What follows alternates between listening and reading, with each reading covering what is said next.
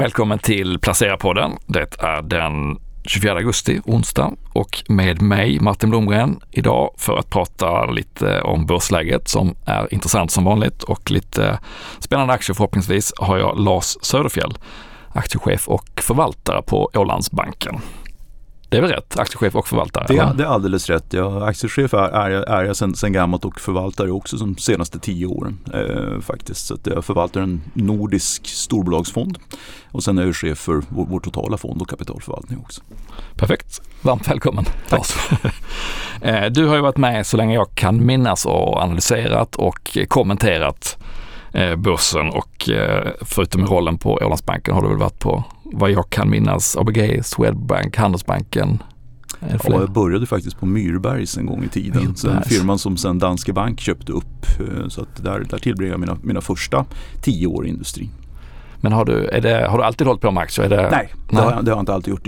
Jag gick på Handels eh, och jobbade faktiskt med, mot, med inriktning mot IT-konsult. Mm. Det var också mitt första jobb direkt efter, efter plugget 1987-88. Men efter att ha suttit och hackat Fortran-kod i ett år så konstaterade jag att det var inte riktigt det här som jag läste redovisning och finansiering för. Eh, så då slängde jag ut en krok bara till några kompisar och sa du borde prova det här med aktieanalys. Jag, sa, jag vet inte ens om jag läser en kurslista. Jag satt dagen innan jag anställningsintervjun på Myrbergs och tittade i DN och sa köp förstod jag sen men det här bett som stod där, liksom, vad fasen betyder det? men de verkar gilla mina blåa ögon i alla fall när ja. jag kom dit så jag fick jobbet och började med att analysera, fick Ericsson som första bolag faktiskt.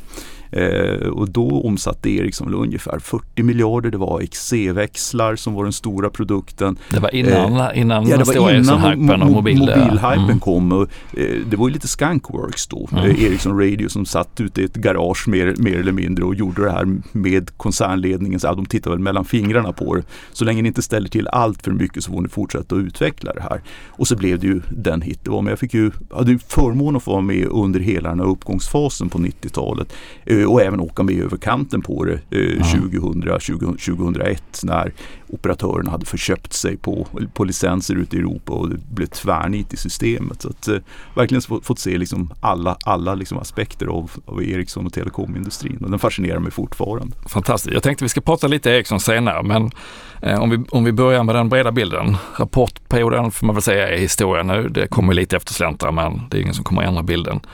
Eh, och den stora frågan för börsen verkar ju vara om, om eh, inflationen har toppat och vi kanske, kanske kan få en mjuklandning ändå.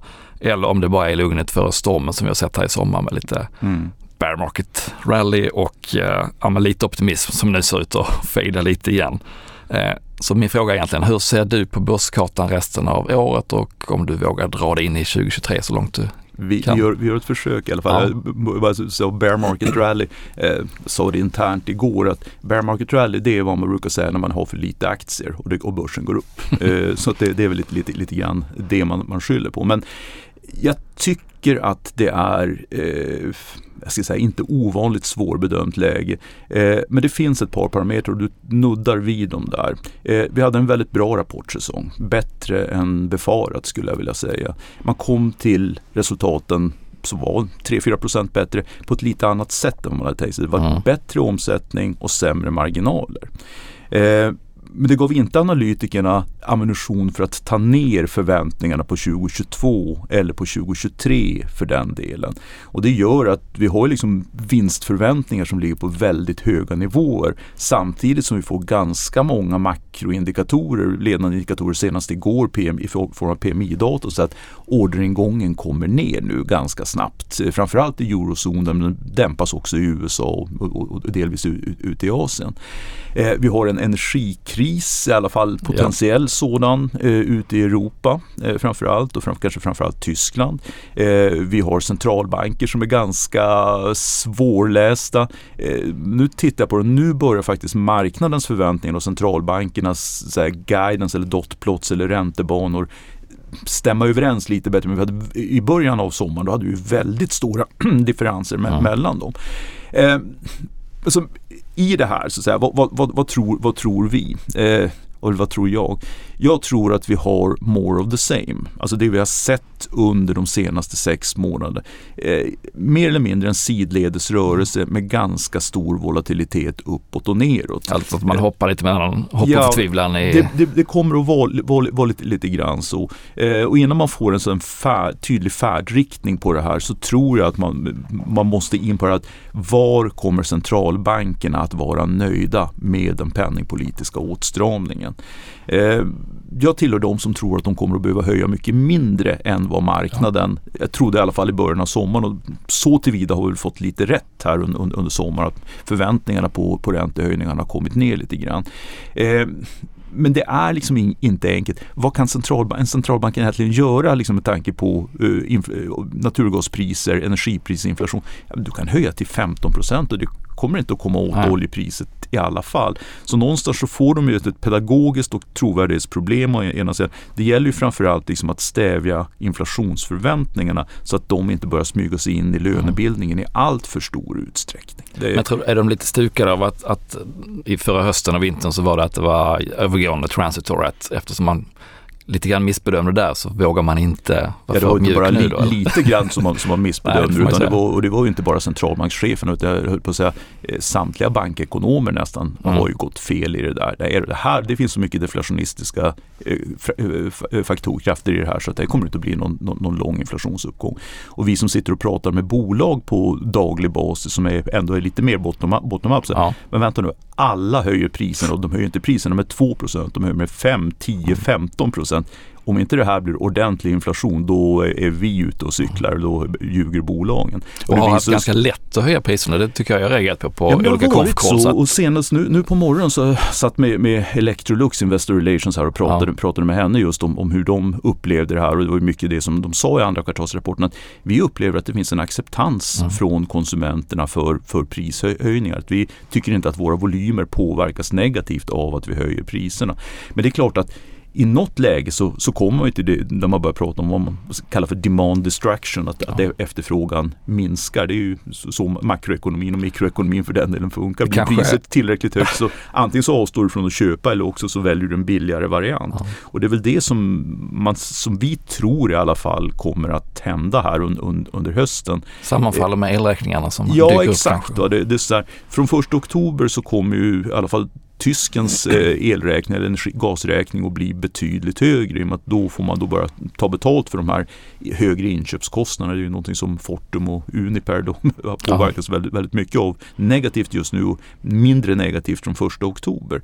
Eh, och jag har ju svårt att se liksom att det i kombination med högre räntor inte kommer att leda till att man spenderar mindre.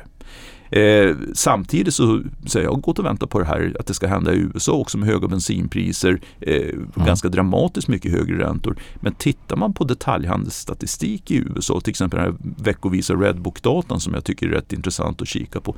Det är fortfarande year over year ökningar på 10-12 procent och även om du backar ur 8 procents inflation så är det en mm. hygglig real tillväxt i, i, i, same store sales i, i det fallet. Så att amerikanen har ju tagit eh, pandemisparandet som ju är stora belopp. Jag hörde en siffra på 5 000 miljarder dollar. Liksom Okej, okay, det är mycket pengar och dragit ner sitt sparande. Ja. Sparandekvoten i USA var uppe på 26 procent som högst under pandemin. Nu är den nere på mer normala 5 procent.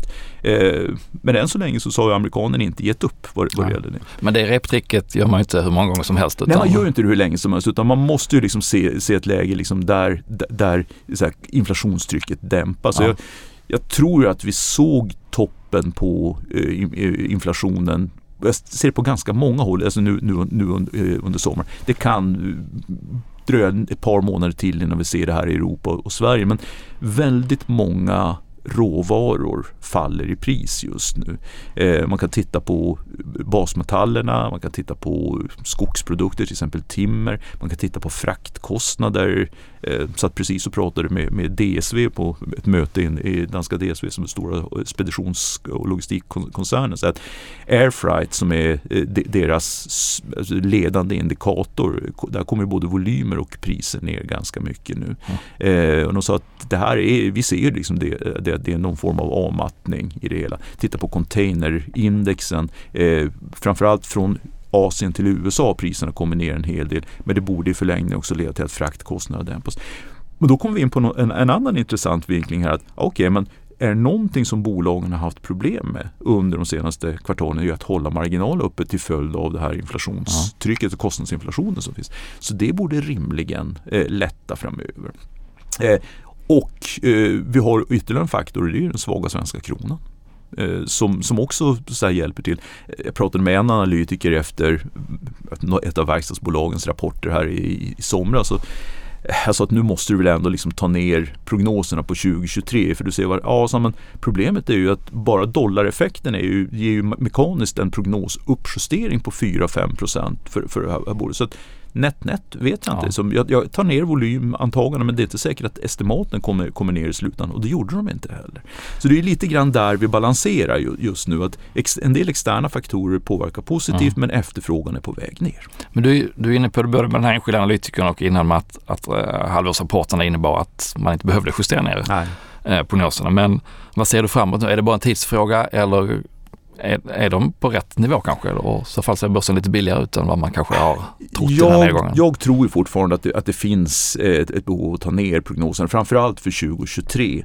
Eh, och jag har suttit som säljanalytiker så pass länge innan jag gick över på, på, på, på den mörka sidan som, som, som förvaltare att jag vet ungefär hur man funkar. Att man tar inte man, man är väldigt ovillig att göra nedjusteringar bara på makroindikatorer ja. och på ledande indikatorer. Och går man tillbaks till alla conference calls som vi hade i samband med andra kvartalsrapporterna så säger bolagen vi läser tidningarna, vi ser makrosignalerna men vi ser det inte i Nej. våra böcker.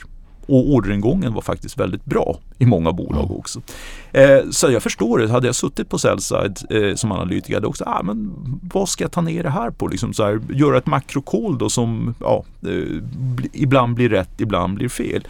Eh, jag upplever ju liksom att man har man är ganska försiktig ändå liksom med volymantagandena. Och den, det är nog den stora frågan tror jag för de kommande så att, fyra till sex kvartalen, alltså resten av det här året och in på 2023. Att har man tagit ner tillräckligt mycket på volymerna eller krävs, krävs det mer? Och här får man nog skilja också väldigt mycket mellan var slutkunderna befinner sig. För att tittar man på konsumentsidan där tycker jag vi ser det liksom att, uh, ganska tydligt svart på vitt att ja, men här har man legat för högt och ligger för högt. Uh, det är ju en räcka av konsumentrelaterade bolag som har ja. kommit in kort om förväntningarna och som har fått guida ner och det är allting från e-handel till uh, mer så här consumer discretionary av typen Husqvarna, Dometic med, ja. med flera Medan industribolagen och de som arbetar mer mot investeringsvaror, eh, dels har de väldigt långa orderböcker.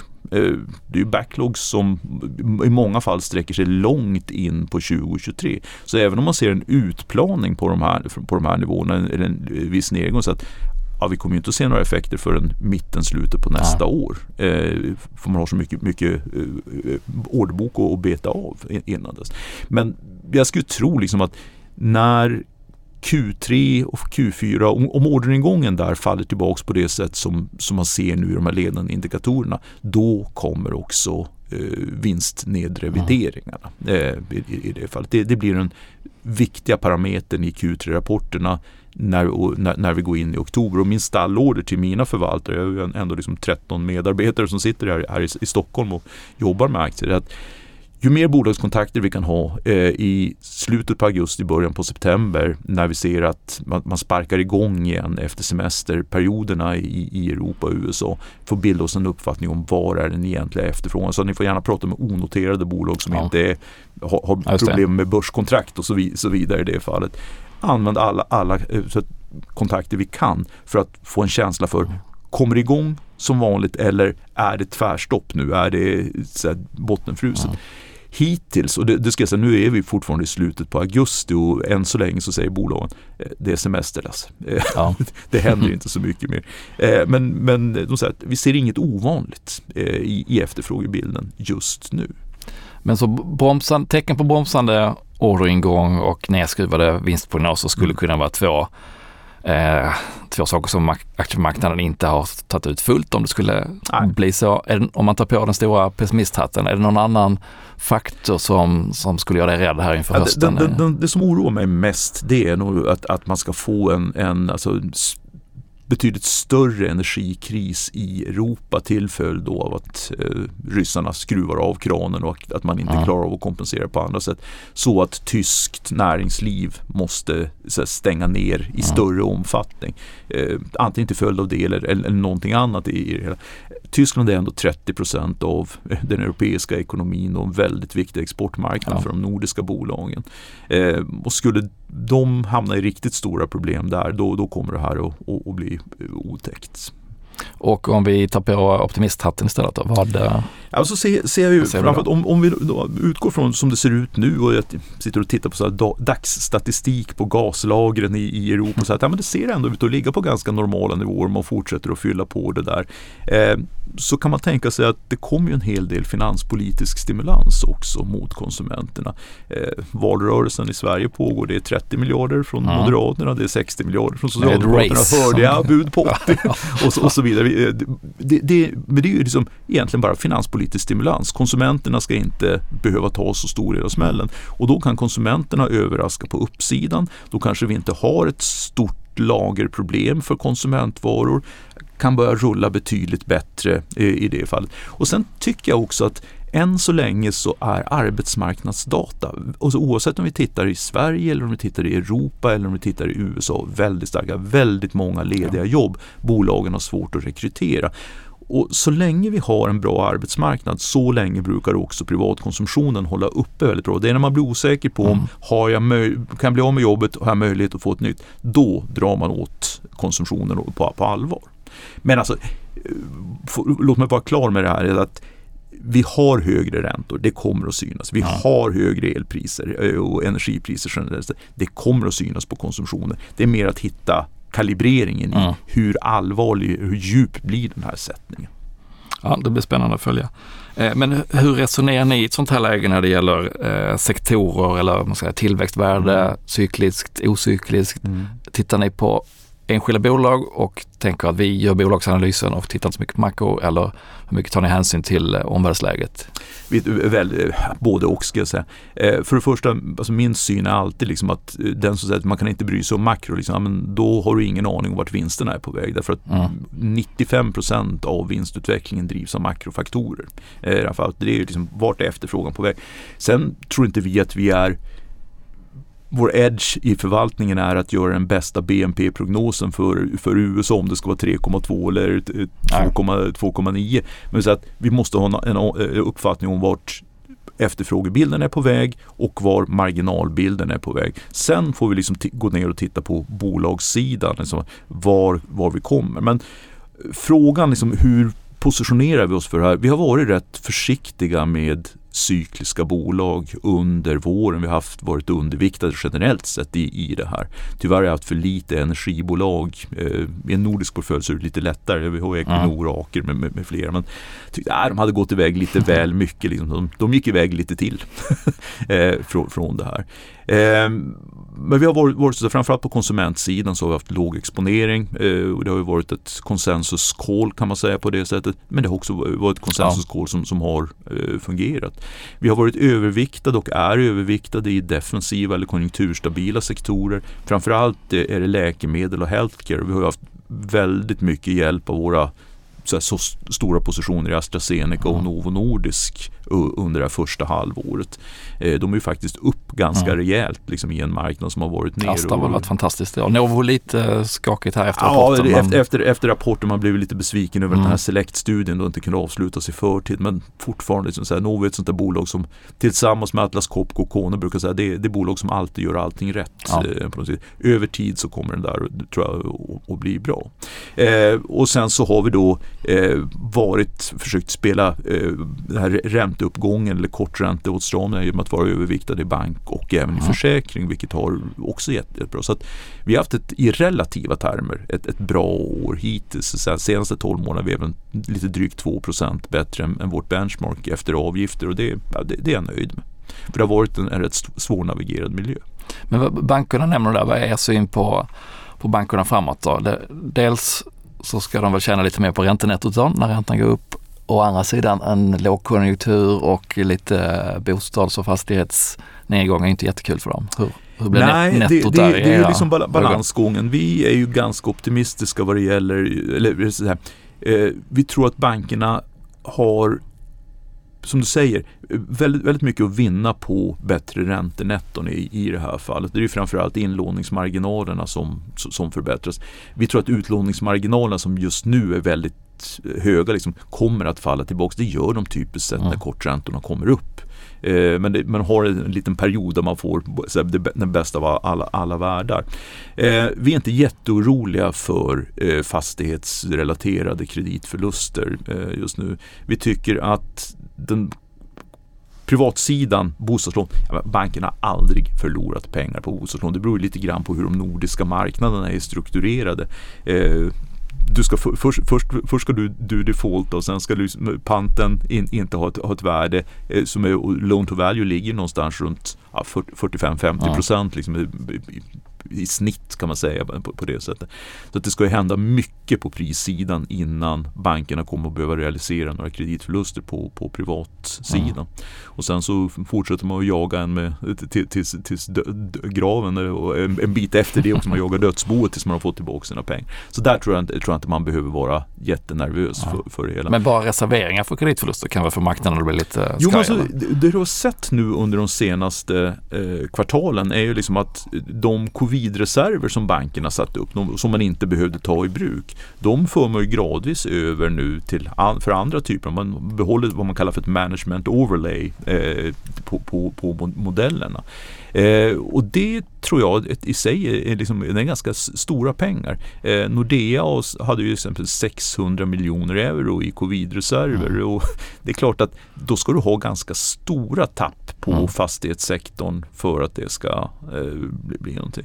Eh, och sen den andra faktorn i, i det hela det är att många av fastighetsbolagen har ju inte finansierat sig via bankerna under de senaste åren utan man har fått eh, ta det via obligationsmarknaden och via olika hybridelement, aktiemarknaden i det fallet men bankernas direkta exponering mot kommersiella fastigheter, den är inte så farlig just mm. nu. Så om vi jämför till exempel med 90-talskrisen som jag, precis när jag började i, bra, i branschen, då, så det, då var det läskigt på riktigt vad, vad det gäller banken. Eh, det känns mycket mer stabilt den här gången. Det kan Plus kanske att, tvärtom bli lite fina affärer nu då när de kommer knacka på igen och behöver låna. Jag frågade ju i princip alla eh, bank-VD här i samband med andra kvartalsrapporterna hur, hur ni ser på det där och sa att absolut, vi har kapacitet, vi kan vilja låna ut pengar, men vi kommer att vilja ha betalt för. Ja. Så att det får, får man se lite, lite grann vad det blir. Sen är det ju så att tittar man på till exempel Swedbank och tittar man på Handelsbanken så de har ju en väldigt hög andel fastighetsexponering redan i nuläget. Ska de verkligen bygga på ännu mer på den sidan?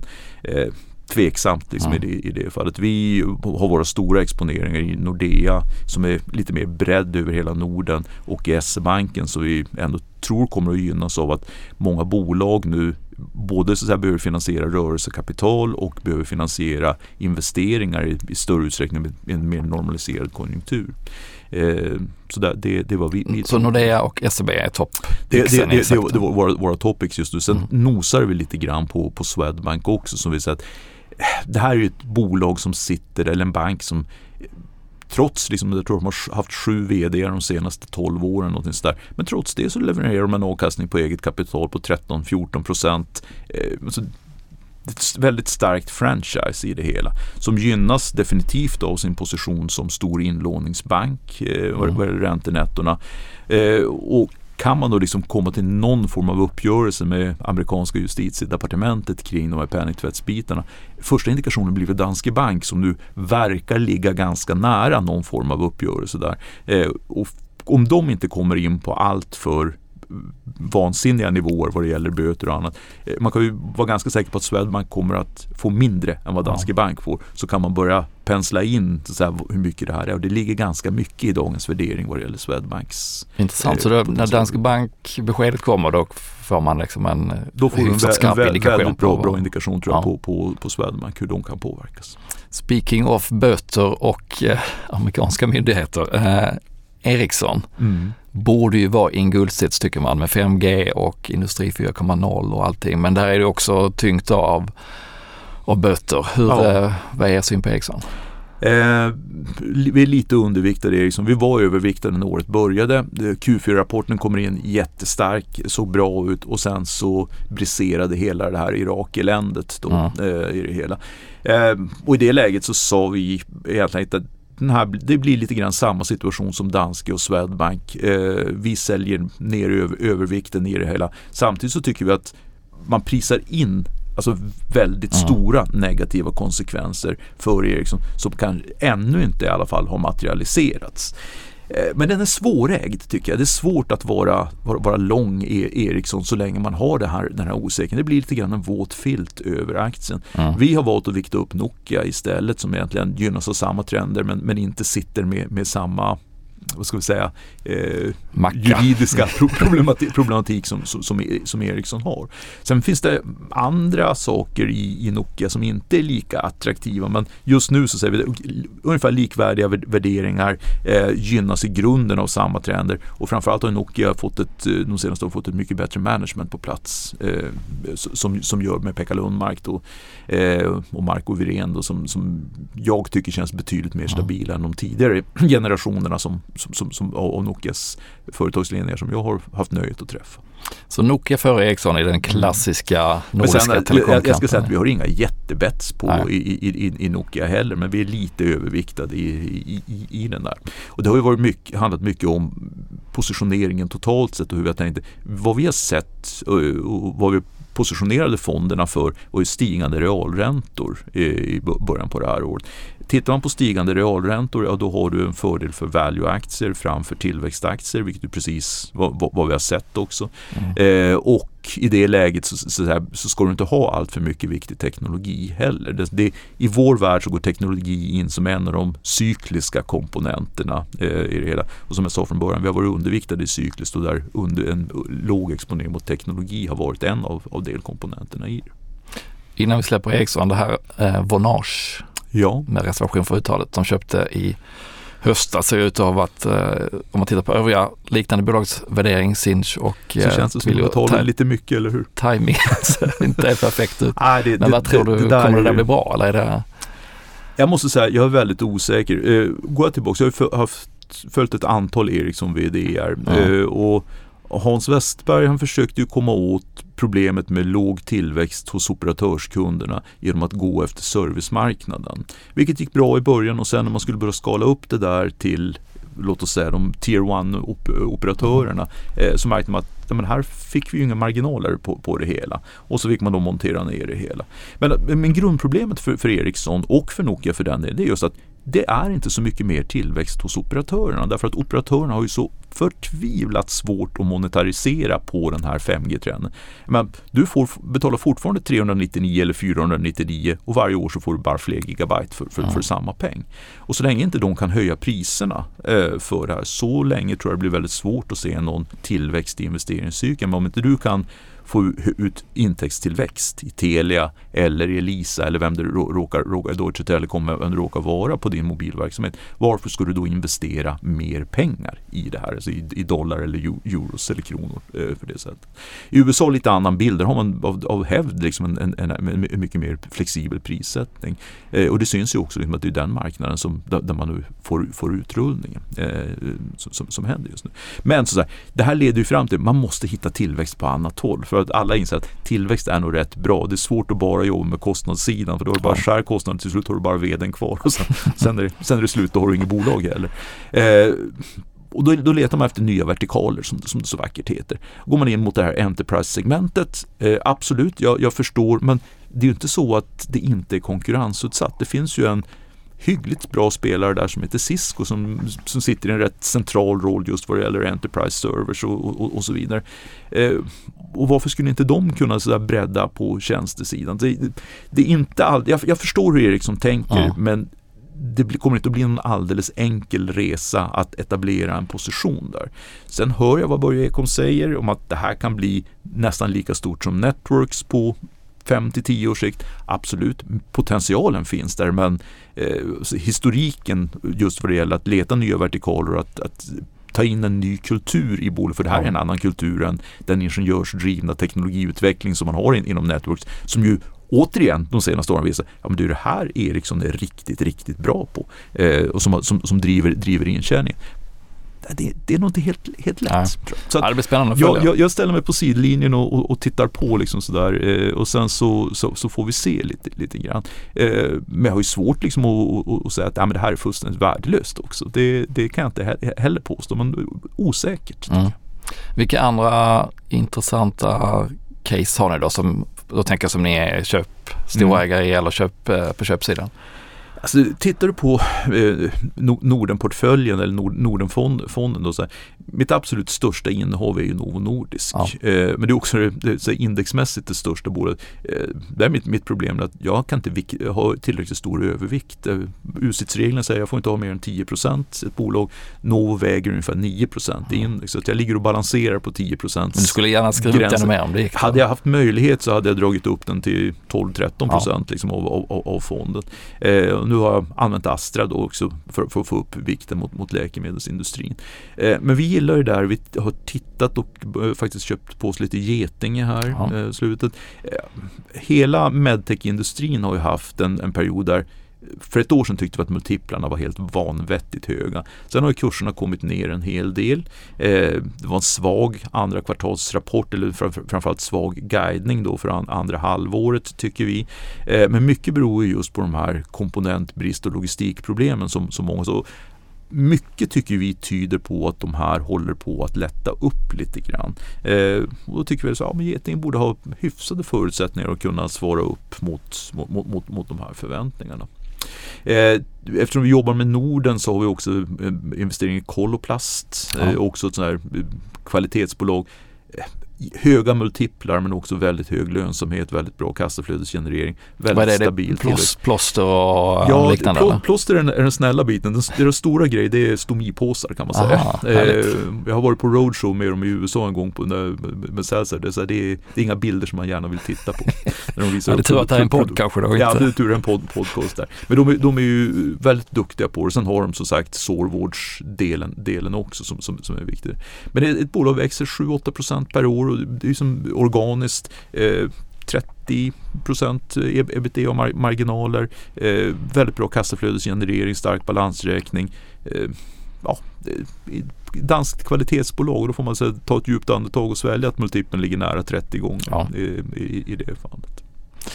Tittar man sen på den mer cykliska sidan som sagt, vi, vi är generellt sett lite underviktade eh, konjunkturbolagen jag har övervikt i Volvo. Ja. Eh, och så här, all, alla som känner mig säger ja, och vad är nytt med det? Nej, ingenting. Jag brukar alltid ha en övervikt i Volvo i, i, i det fallet. Men jag tycker fortfarande att liksom, det här bolaget har de senaste fem åren gjort en remarkabel transformation. Så här, från att vara ett 4-5 procents eh, marginalbolag till att vara ett 10 plus procents mm. marginalbolag. Och jag tycker man har visat det nu under ett antal kriser att man, klarar, man är mycket mer flexibel än man varit tidigare. Eh, det krävdes att man fick en lastvagns-VD för att få, få ordning på ett lastvagnsbolag. Det kanske inte var, det kanske var lite av en no-brainer men det var ju faktiskt först när Martin Lundstedt eh, tog över och, och rekryterade in ett gäng lastbilsmänniskor till koncernledningen. Ja, det var en ordentlig Scaniafiering där ett tag. Mycket ja, men det var, var, var, väldigt mycket så. Men det visade sig vara väldigt, väldigt lyckosam också. Så eh, jag gillar dem också för att jag tycker de ligger långt fram i elektrifieringsprocessen. Eh, jag har förstått att det här är nog någonting som som Roger Am, lastvagnschefen jag pratade med i samband med kapitalmarknadsdagen som de hade. Så, ja, så jag träffar ju liksom en, en del kunder så här, vi tror inte på eh, klimatproblemen.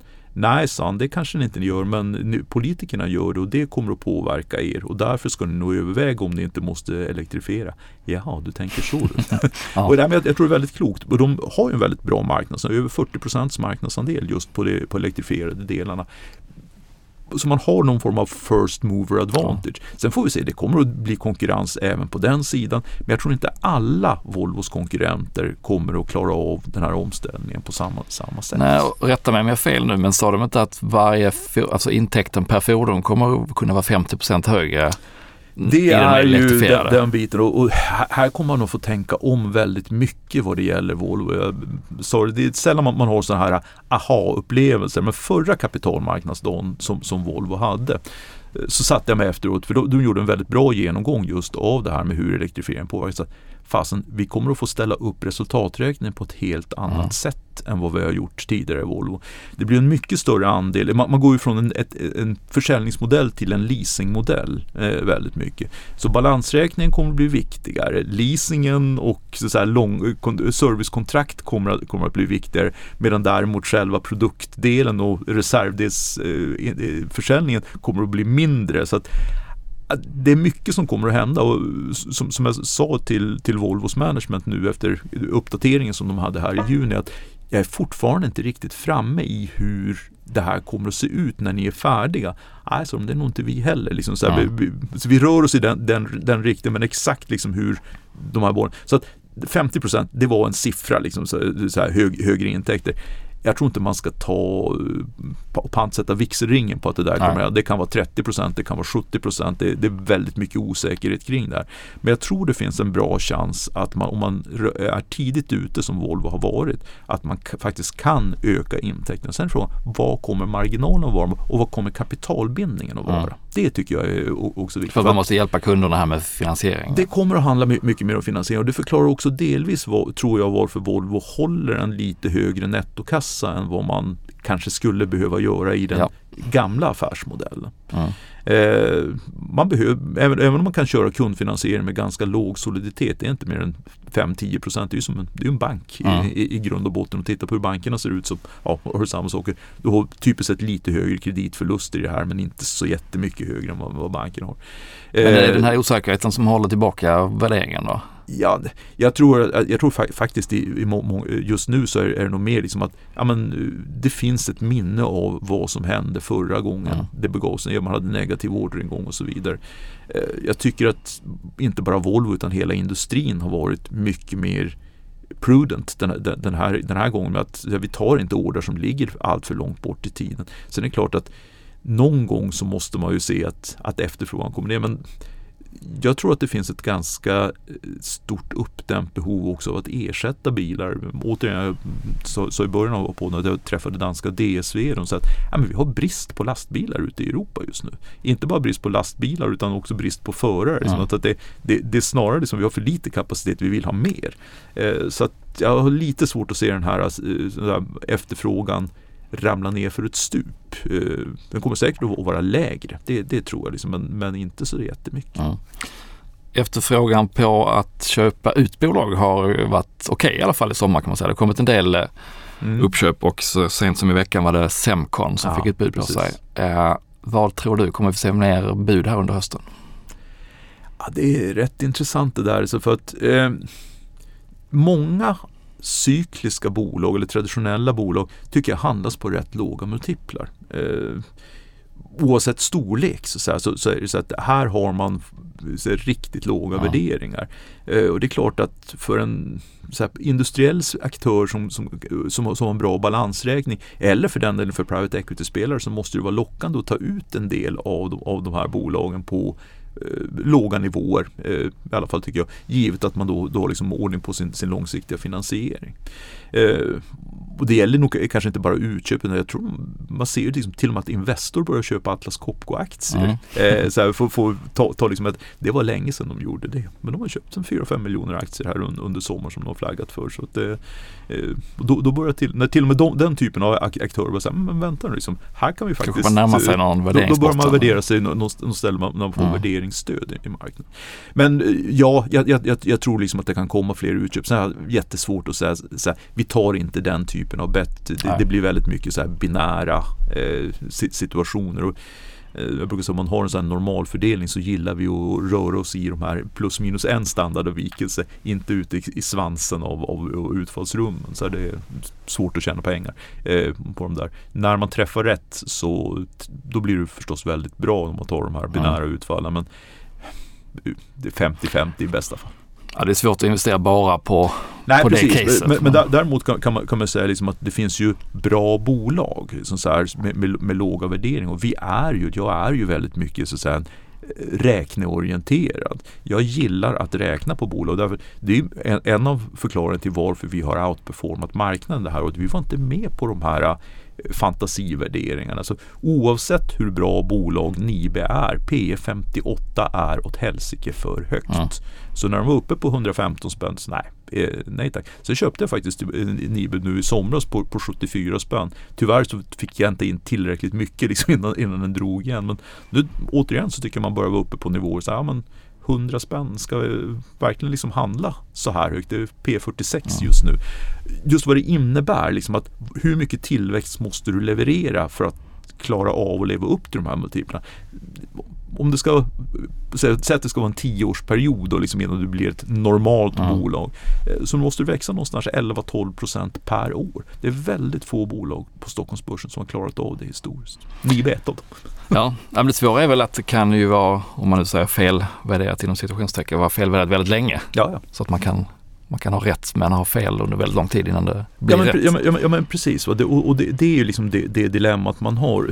Vi, eller jag, liksom har, har tagit den, den stansen att ja, men jag kan inte göra våld på min filosofi i placeringen. Så, vilket innebär att 2020 så tappade jag mot index när det var jordens rally på, på allt som heter tillväxt oavsett om de tjänar pengar eller inte. Och jag har fått tillbaks det un, under det här och, eh, under de senaste 12 månaderna kan du säga. Vår svenska portfölj är väl kanske extremen i det fallet. Vi har en, en diskretionär portfölj, vi har ingen fond faktiskt. Vi funderar på att starta en Sverigefond men vi har en, en diskretionär portfölj. Eh, vi är 11% bättre än index i år. Eh, och alla säger jättebra. Jo, så, men ni ska komma ihåg att 2021 så gick vi ungefär som index och 2020 så var vi 7% sämre än index. Och ser du snittet över de, de här tre åren så är vi väl ja, ungefär 2% bättre än, än benchmark under de här tre åren. Men det är ju just det där att ska jag liksom som under 2020, jag, jag är inte dummare än att, att, att, jag ser vad som händer. Men jag sa, nej men det är ju inte det här som mina kunder har investerat med mig för att göra. De investerar för att jag ska räkna, för att jag ska göra en fundamental utvärdering av bolagen. Och säga bara, okej, okay, vi tänker så här, vi tänker så här, vi kommer att gå upp, vi kommer inte att gå upp lika mycket som marknaden. Fördelen vi, som ni förhoppningsvis ska ha, det är ju ett sånt här ord och liksom, där vi är ner 4-5 procent eh, year to date total return då, medan marknaden är ner 12 mm. eller vårt benchmark är ner 12. Men du har varit med i ett antal upp och nedgångar. Hur reagerar du vad ska man säga, som person när det är sådana stora nedgångar och när du blir du blir du rädd, rädd för att förlora pengar eller ser du eh, dollartecken och köpläge? Vad är, liksom, vad är känslorna i kroppen? Är det, när det alltså, för, för, för, för, det första, det, det, är väl ungefär samma för alla long only förvaltare. Vi tycker det är roligare när marknaden går upp än när den går ner för då tjänar kunderna pengar och det, det är det som är, är bra. Eh, I de här nedgångarna så är det ju det första, liksom, kan vi göra damage control? Eh, på det? Det, det, det, är den första, första biten. Eh, ofta så är det ju liksom någon oväntad händelse som leder fram till det. Jag ska inte säga liksom att vi var omedvetna om Ukraina-krisen men vi trodde nog liksom väldigt många andra att what's in it for Putin? Att gå, göra en fullskalig invasion av Ukraina. Vi hade mer tänkt att det blir lite Donetsk och Luhansk och så vidare ja. och sen, sen är det bra med, med det. Där fick vi göra en snabb om, alltså, om, om positionering då och, och se okej okay, hur ser exponeringen ut, vad kan vi bli av med? Eh, och, och, och, nästa fråga är som, men var har, vi, var har vi inte hunnit med? Finns det saker som där man redan har prisat in ett värre scenario än vad vi tror eh, läget är nu. Det är ju liksom den balansgång som man, man går hela tiden som, som, som förvaltare att försöka, så här, vad ligger inprisat i kursen? Och, och där tycker, tycker jag liksom att vi ändå klarade av det där hyggligt bra. Eh, största misstaget som jag gjorde här i, i våras det var att jag sålde inte Fortum. Eh, jag tyckte efter invasionen av, av Ukraina att ja, men nu har man tagit bort hela värdet på de ryska tillgångarna plus lite till. Så att vi behöll den där och Eh, sen drog ju de här problemen med Uniper iväg ordentligt. Eh, aktien handlas nere runt 10-11 euro just nu. Jag får fortfarande ihop en sum of the parts på den där på runt 17 euro. Eh, I det där med fullt avskriven Uniper, ja. all, alla sådana här bitar. Men jag inser också att fram till dess att, de kommer rapport nu på torsdag förresten, fram till dess att man vet hur man, man kan hantera balansräkningen så kommer den här aktien inte att lyfta så här, eh, good long term value, jag borde ha sålt men han är inte med. Ja men okej, i det här läget så får man sitta kvar på den. Och omvänt så kan man ju hitta aktier som har man, man tycker att ja, de här, det här är ett bra bolag, vi köpte dem på bra nivåer. Hur länge vågar man hänga kvar i den här? Momentumet är starkt men värderingen börjar se jobbig ut. Det vi typiskt sett gör då det är att vi börjar hyvla. Så att om vi har 5% vi kanske säljer 1 och så jobbar vi oss gradvis neråt lite grann tills vi kommer ner till marknadsvikt. Eh, OX2 ett sånt exempel. Jag, jag, jag jobbar Vindkraft, mest med ja, vindkraftsbyggaren och projekteraren. Eh, vi var med i IPO. Eh, det hände egentligen ingenting för, i, till, att, till att börja med. Kom in på 60 kronor. Sen var den ner på 38 och då dubblade vi positionen där. Och sen så egentligen i våras så tog ju kursen fart ordentligt uppåt. Men det var uppe på 95 kronor. Och så, ah, men vänta liksom så här, det, det här är också över vårt fundamentala värde. Liksom, här tar vi ner en, en bit. Eh, så kan man handla det på, på, på, det, på det sättet. Eh, tycker jag. Spännande. Det är eh, jämt spännande på börsen. Det är alltid spännande och lika roligt varje dag. Det är därför man orkar ja, det är ett nytt jobb varje dag sa du innan vi gick in här. Det händer ja, alltid precis, någonting. Det, det, det, är ju det liksom så här, det, Min fru brukar säga det där liksom att nu har du hållit på med det här i 33 år. Liksom, hur orkar man? Så att jag vet ju varje dag när jag går till jobbet, idag kommer jag få lära mig någonting nytt. Mm. Oklart om det är stort eller smått. Ibland så är det verkliga aha-upplevelser, ibland så är det bara marginalinformation. Men jag kommer alltid hem lite klokare, lite mer förvirrad än när jag gick till jobbet. Och så länge man har den upplevelsen så är det väldigt lätt att gå till jobbet. Låter fantastiskt. Eh, tusen tack för att du kom hit Lars och delade med dig av dina tankar. Tack så du